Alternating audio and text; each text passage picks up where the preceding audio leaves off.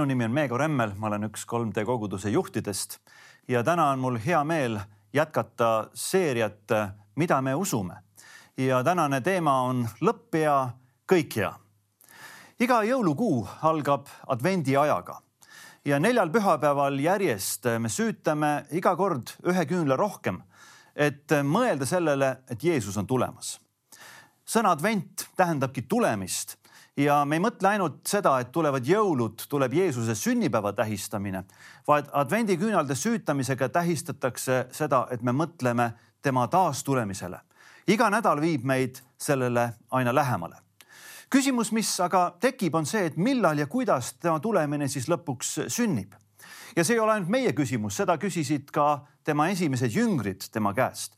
ja täna me tahamegi vaadelda seda, mida Jeesus siis ütles selle kohta, kuidas tema tulemine sünnib. Jeesuse elust ja tegevusest, tema õpetusest, tema kannatusest, ka tema surmast ja ülestõusmisest on Uues Testamendis piibliraamatus neli evangeeliumi.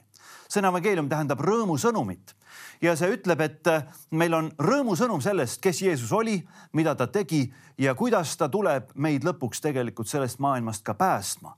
ja ähm, nendest evangeeliumidest kõige varasem on Markuse evangeelium. ta oli esimene, kes pani kirja oma jutustuse Jeesusest kirikuisad arvavad, et ta tegi seda Peetruse abil, kes mäletas väga paljusid sündmuseid isiklikult, mida ta Jeesusega oli läbi elanud.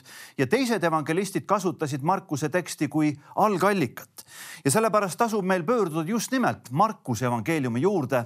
Ja kui sul on piibel käepärast, olgu siis paberkandjal või netis või on sul see kuskil telefonis, siis sa võid selle avada kolmeteistkümnendast peatükist Markuse evangeeliumis.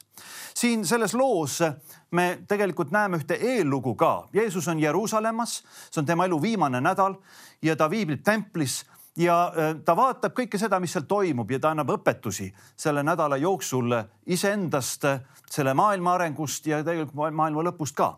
aga paar päeva enne oma lõppu ta astub sellest templist välja, ta liigub eesõue, kus on ohvriraha kirst ja ta istub seal ja lihtsalt vaatab, kuidas inimesed toovad oma ande äh, sinna kirstu ja, ja ta näeb, et seal on rikkad, kes toovad väga palju, nendel on äh, kõike küllalt. aga siis tuleb üks vaene lesknaine ka ja ta paneb ainult kaks leptonit. ja Jeesus ütleb korraga midagi ehmatavama panevat, ta ütleb, et tõesti, ma ütlen teile, see vaene lesknaine pani rohkem kui kõik, kes panevad aardi kirstu kuidas mõtlesid jüngrid, kuidas ta pani rohkem? ja Jeesus ütleb sellepärast, et ta pani kõik. võimalik, et see jumaliku vaatega hinnang andide kvantiteedile ja kvaliteedile eh, pani jüngreid mõtlema ja kui nad astuvad siis sellest templist välja lõpuks kolmeteistkümnenda peatüki algusesse, siis eh, nad eh, astuvad Jeesuse juurde ja üks nendest ütleb Jeesusele, õpetaja, ennäe, missugused kivid ja missugused hooned. seda templit oli ehitatud juba üle neljakümne aasta ja veel kolmkümmend aastat läks aega, et seda templit täielikult valmis saada. iga and iga panus oli selles osas väga oluline. Ja, Jeesus teab seda kõike. Ja jüngrid viitavad, et need annid on tegelikult ka kvantiteedis tähtsad. aga siis šokeerib Jeesus veel rohkem oma jüngreid ja ütleb, et kas sa pead silmas neid suuri hooneid, ei jäeta siin kivi kivi peale, mida maha ei kistaks olen käinud Jeruusalemmas ja näinud neid kive, millest tempel oli ehitatud, need on meeletud lahmakad ja need kaalusid kuni nelisada tonni tükk. kujutage ette, kuidas selliseid kive võiks üksteise peale üldse laduda aga millise jõuga saaks neid maha lammutada. ja jüngrite jaoks tundus see lihtsalt tõepoolest, see on maailma lõpp. ainult maailma lõpuväed suudavad midagi niisugust teoks teha. ja äh, nende jaoks oli ka Jeruusalemma tempel kõige kese, see oli maailma kese ja templi häving võis tähendada kogu äh, maailma hävingut. tõsi Nad olid ajaloos juba kogenud templi hävingut. kuuendal sajandil enne Kristust tulid babüloonlased ja hävitasid Jeruusalemma templi kus uuesti üles ehitati ja nagu teenis täiega, siis tuli teisel sajandil eh, selline mees, kelle nimi oli Antiochus Epiphanes ja eh, ta oli eh, Seleukiidide kuninglik valitseja Süüriast ja ta tuli ja piiras Jeruusalemma ja tungis sinna templisse ja tegi niisuguse pühaduse rüvetuse, mida juudid mäletasid alatiseks. ta nimelt ohverdas sea seal altaris, mis oli juutide jaoks nagu täielik koletuslik rüveduse teotus. aga prohvet Daniel oli sellest ka ette ennustanud ja öelnud, tema poolt saadetud sõjaväed tulevad ja teotavad pühamut kindlat linna. Nad kõrvaldavad alalise ohvri ja panevad sinna hävituse koletise ja kuna Danieli raamatus kordub see hävituse koletise mõte veel paaril korral, siis see saigi juutide jaoks nagu sümboliks sellest, et tuleb üks koletuslik jõud, üks häving ja, ja see ebajumalateenistus ja see hävitab jumalateenistuse ja templi. Rooma okupatsiooni aegadel, kus Jeesus elas oli tegelikult juutidel suhteliselt turvaline. Rooma riik küll oli nende võimu võtnud, aga andnud neile täieliku õiguse templiteenistuses oma usu järgi Jumalat teenida aga olgu öeldud, et aastal seitsekümmend needsamad Rooma sõjaväed tulid Jeruusalemma ümber ja vallutasid Jeruusalemma ja hävitasid selle templi. põhjus selleks oli juudi sõda juudi sõda algas juba aastal kuuskümmend kuus, kui seloodid ja nende eriliselt radikaalne tiib sikaarid tõusid üles ja vallutasid Jeruusalemmas Rooma garnisoni ja selle peale tuli siis Rooma sõjaväejuht Vespasianus ja piiras Jeruusalemma ja püüdis seda ülestõusu maha suruda. ja kuna tema tõusis keisriks ja läks Rooma ära, siis tema poeg Tiitus oli see, kes lõpuks aastal seitsekümmend pärast viiekuust vallutust ja piiramist Jeruusalemma ja selle templi hävitas Äh, inimesi tapeti massiliselt. Flavius Josephus, kes on juudi ajaloolane ja mäletas neid sündmusi ise, ütleb, et Jeruusalemma ümber ei olnud mitte ühtegi puud enam, kuhu inimesi risti lüüa, sellepärast et kõik olid ära kasutatud. ja juudi sõda lõpuks äh, siis suruti maha aastal seitsekümmend kolm pärast Kristust, kui Massada kindlus ka hävitati, kus olid viimased need võitlejad veel olnud varjumas ja juudid pidid põgenema oma elu eest äh, tuhandete viisi ümberkaudsetele maadele kõik see oli, mida Jeesus aga juba ütles ette ja Jeesus ütles, et see kõik on tulemas.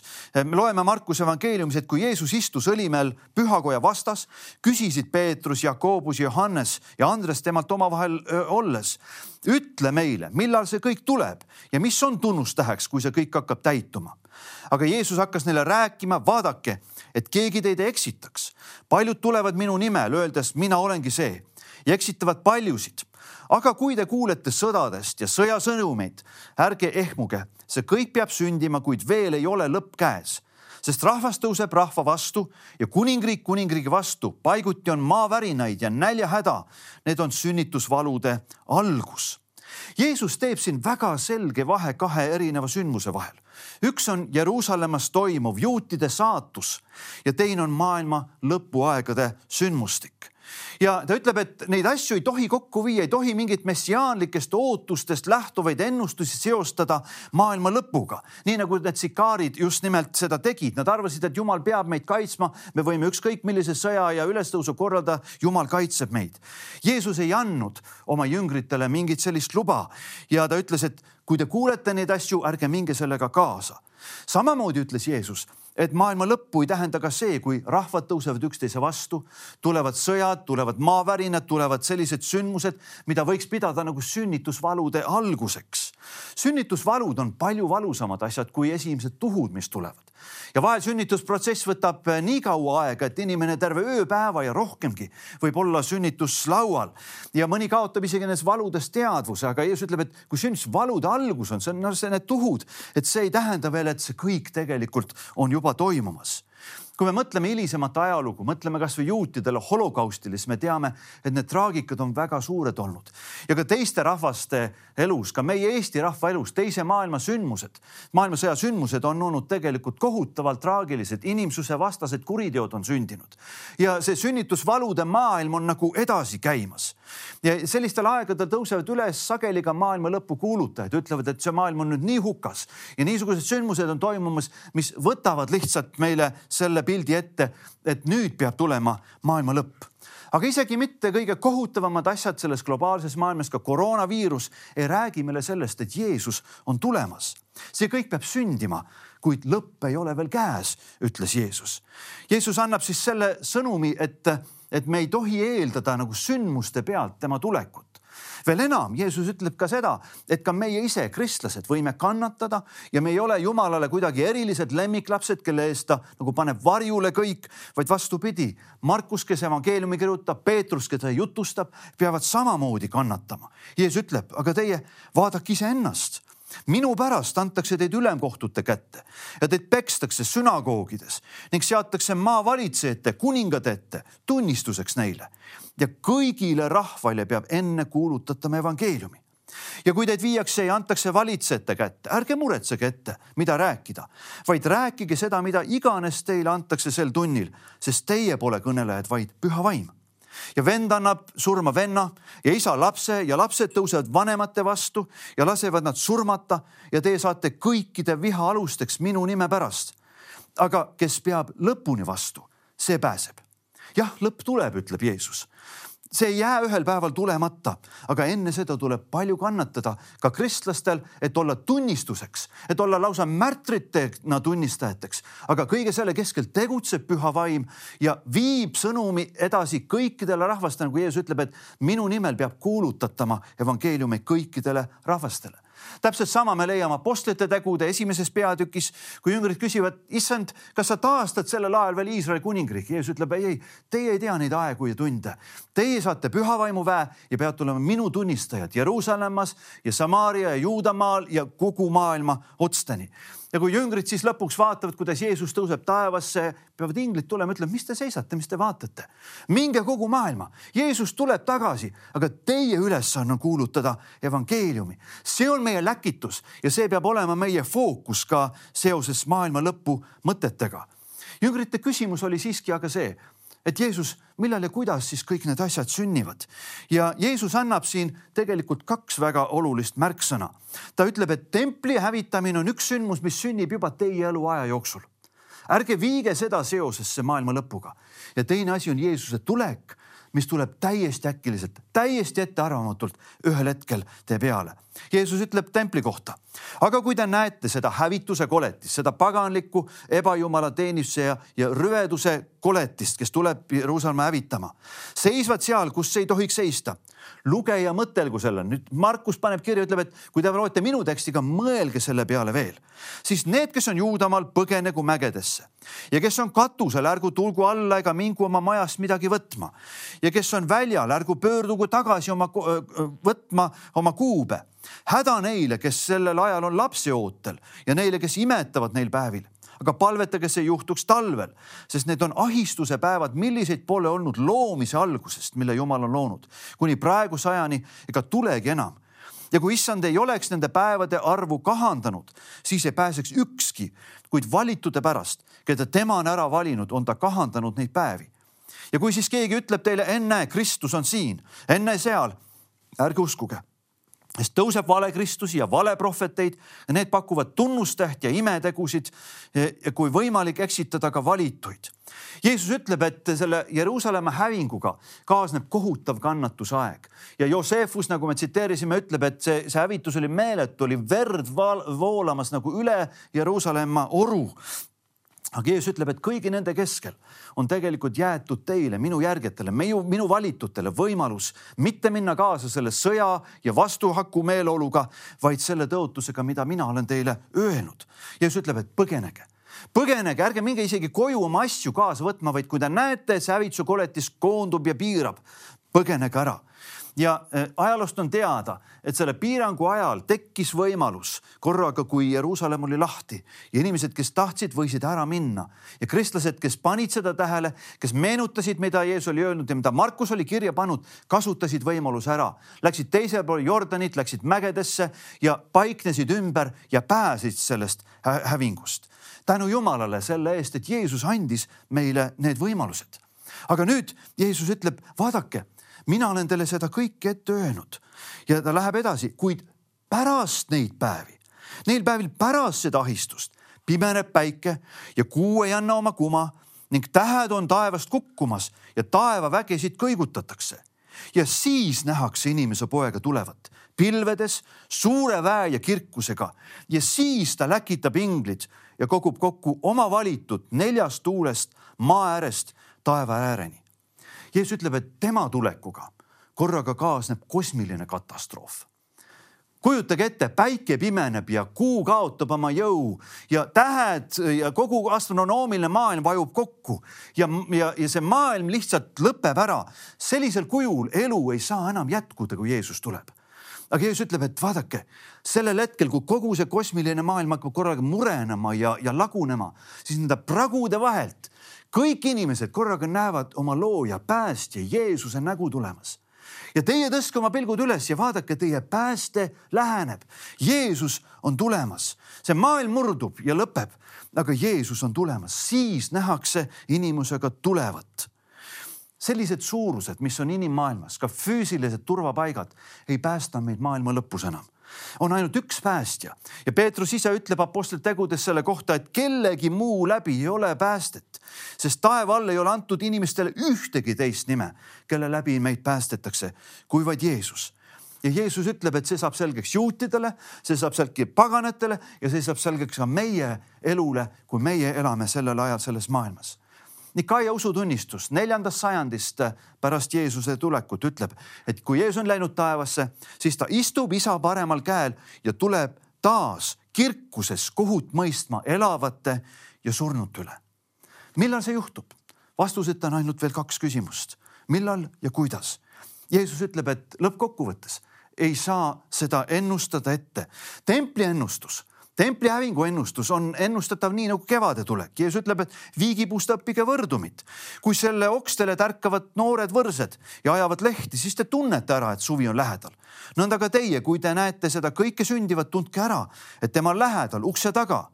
tõesti, ma ütlen teile, see sugupõlv ei kao enne, kui see on sündinud taevas ja maa hävivad, aga minu sõnad ei hävi, nii et templi hävitus, see, see on ette ennustatav nagu kevade tulek.